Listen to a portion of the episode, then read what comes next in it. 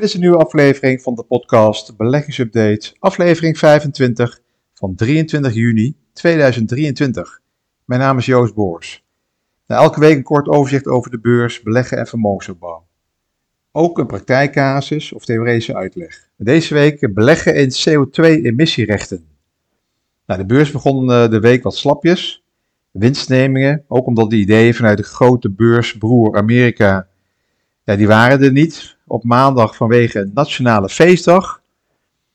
Deze eh, dagen zitten de beleggers een beetje te discussiëren over de stijging van de beurzen en of dit nou wel terecht is gezien de vooruitzichten van de economieën.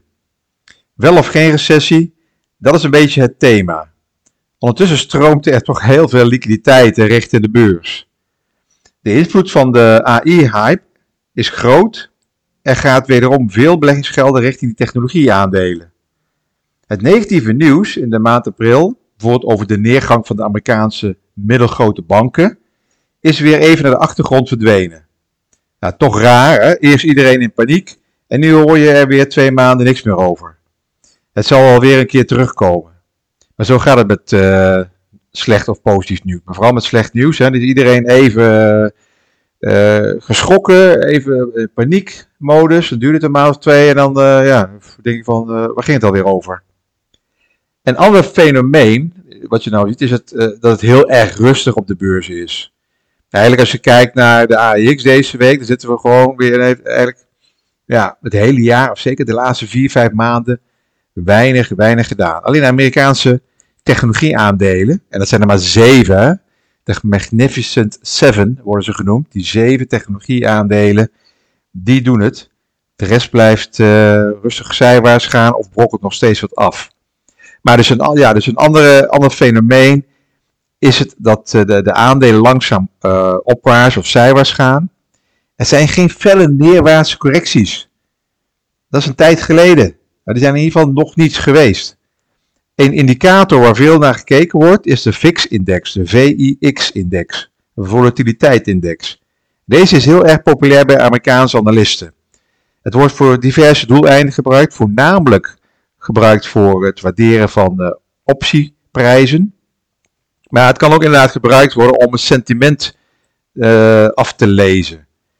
de VIX-index staat nu op een dieptepunt die hebben we sinds 2021 eh, niet meer gehad, een beetje eh, in die coronatijden. Er staat nu rond de 14.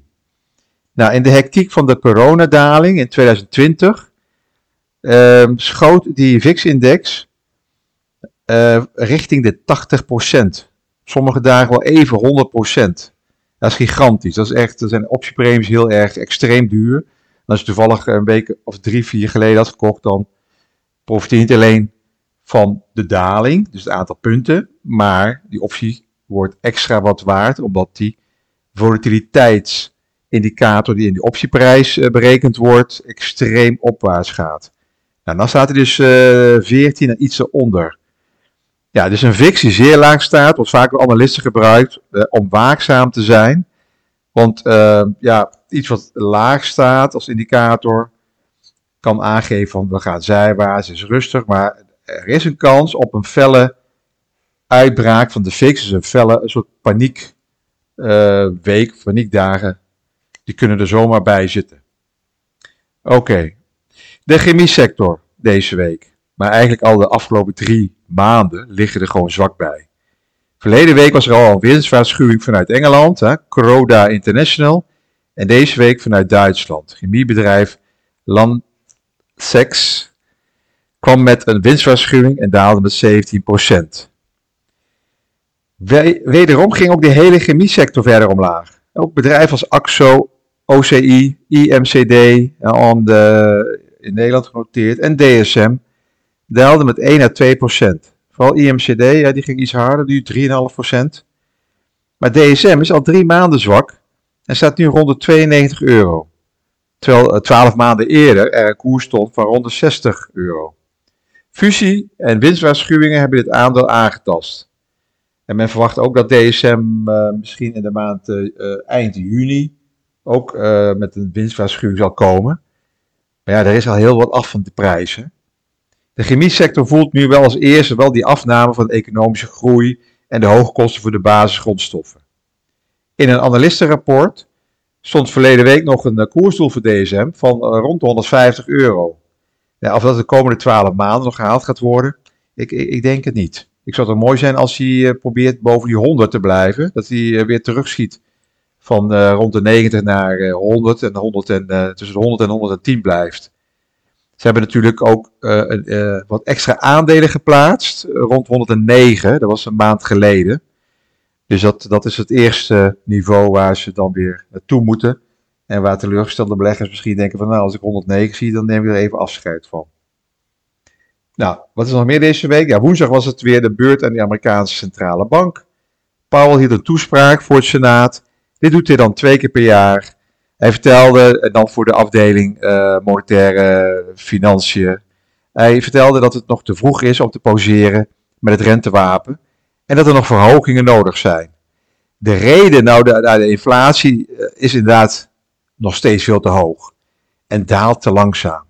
Dat is primair de reden. Hij ziet natuurlijk de inflatie het liefst rond de 2%, maar dit is, een, is moeilijk haalbaar. Dat zal zeker dit jaar niet gaan gebeuren. Dat is zeker nog een, een extra jaar voor nodig.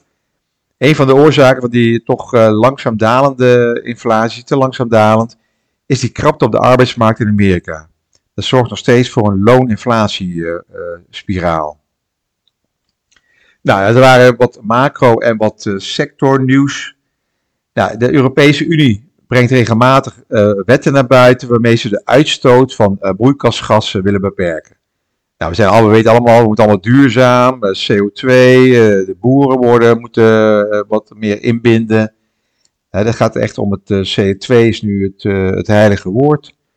Ja, een, een voorbeeld hiervan is het beperken van die toegestane emissie voor elk bedrijf. Hierdoor is er een handel in emissierechten of uitstootrechten, waar je als belegger op in kunt spelen. Het emissiehandelssysteem van de Europese Unie, de EU ETS, was het eerste grote systeem voor de handel in broeikasemissies ter wereld. Het werd in 2005 gelanceerd om die klimaatverandering tegen te gaan en is een van de belangrijkste pijlers van het energiebeleid van de EU. De introductie van de CO2-emissierechten ja, heeft als bedoeling het stimuleren van de transitie naar een CO2-arme economie en het beperken van de opwarming van de aarde tot maximaal 1,5 tot 2 graden. Het liefst onder die 1,5. Het principe achter het emissiehandelssysteem is dat de vervuiler betaalt. Nou, en om hierin te slagen wordt gebruik gemaakt van het EU-ETS. Nou, ton uh, broeikasgas uh, die een onderneming uitstoot, moet zij met emissierechten neutraliseren. Dreigt de uitstoot toegestaande limiet overtreffen, dan kan het bedrijf extra rechten kopen van ondernemingen die dankzij technologieverbetering, technologische verbetering, hun uitstoot juist beperken. Zo ontstaat er dus een levendige handel in die CO2-rechten. Nou, je hoort heel vaak bedrijven zeggen, nou wij gaan dit en dat doen zodat we CO2-neutraal zijn. Maar dat, is ook, dat kan dus in principe ook gewoon dat ze CO2-rechten kopen op de CO2-rechtenbeurs. Nou, dus die uh, economische uh, crisis dreigt echt een roet in het eten te gooien. En uh, een productieverlaging leidt onherroepelijk tot een lagere CO2-uitstoot en dus een dalende behoefte aan emissierechten. Bovendien is het de vraag hoe houdbaar die afspraken zijn in tijden van neergang. Wordt in Duitsland, Italië en Polen gaan al stemmen op om Europese klimaatambities tijdelijk in de ijskast te zetten. Oké, het rendement en het succes hangt dus sterk af van politieke wil om de klimaatverandering te lijf te gaan. Dat risico laat zich niet altijd even goed voorspellen. Politiek kan je helemaal niet voorspellen. Dat geeft dus altijd een onzekerheid met beleggingen. Een investering in emissierechten heeft een beperkte correlatie met de aandelenmarkt en draagt zodoende bij aan een, wel een betere spreiding in de portefeuille. Naast een bepaald rendement voldoe je als belegger ook aan de steeds sterkere wens van toezichthouders om volgens die duurzaamheidsnormen te beleggen, ESG-normen. Hoe duurder het voor bedrijven wordt om recht te kopen, hoe groter de motivatie om schonere innovaties door te voeren Emissierechten kunnen daarnaast ook dienen als een bescherming tegen inflatie. Hoge grondstofprijzen kunnen immers opgevangen worden. Ja, voor particuliere beleggers was het een complexe markt, vroeger zeker in het begin. ontoegankelijk, tot enige tijd geleden die CO2-trekkers, indextrekkers en certificaten werden ontwikkeld. Er zijn een aantal indextrekkers en, en beleggingsfondsen in omloop welke toegankelijk zijn voor particuliere beleggers. Ik heb daar zelf geen onderzoek aan gedaan en geef er ook geen advies over. Ik kan wel melden dat er een aantal vermogensbeheerders zijn, die professionele vermogensbeheerders, zoals Wisdom Tree, Shares, Spark Change en DWS. Die hebben verschillende indextrekkers en beleggingsfondsen die ook in Nederland te koop zijn. Nou, is nu interessant om, uh, om, om ja, het, is, het, is, is voor particulieren met te doen, maar het is zeker interessant voor professionele partijen, hè, pensioenfondsen, volgens Morningstar. Maar je particulieren binnen een goed gespreide portefeuille uh, zal het niet veel opleveren, omdat je maar een heel klein percentage toewijst. Dat je dan toevoegt aan een goed opgebouwde portefeuille.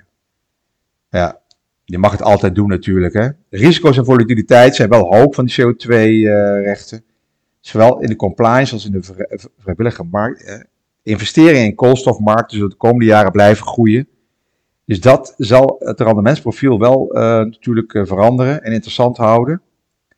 Beleggers dienen er hier rekening mee te houden. En van bewust zijn van die risico-opbrengstprofiel.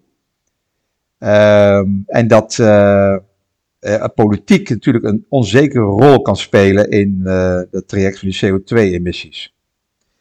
Nou, je kan uh, andere strategieën uh, die diversificatievoordelen kunnen opleveren. Je kan een, een grondstoffen kopen of andere dingen doen. Maar je kan ook inderdaad kijken naar die CO2-emissierechten volgens de eerder genoemde beleggingsinstellingen die ik genoemd heb.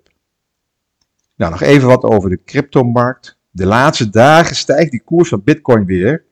Uh, dit komt doordat het nieuws vanuit de financiële wereld waar bedrijven als BlackRock, Schwab en Fidelity, een drietal grote, dat zijn een drietal grote Amerikaanse vermogensbeheerders uh, en online broker, uh, aanvragen hebben ingediend voor een uh, Bitcoin index tracker, een ETF dus. dit is goed nieuws voor de cryptomunten. Er komt er eindelijk weer wat positief nieuws bij, komt er weer wat leven in de brouwerij. Nou, oké, dank voor het luisteren. Alles op persoonlijke titel, geen direct beleggingsadvies en op basis van openbare informatie tot de volgende week.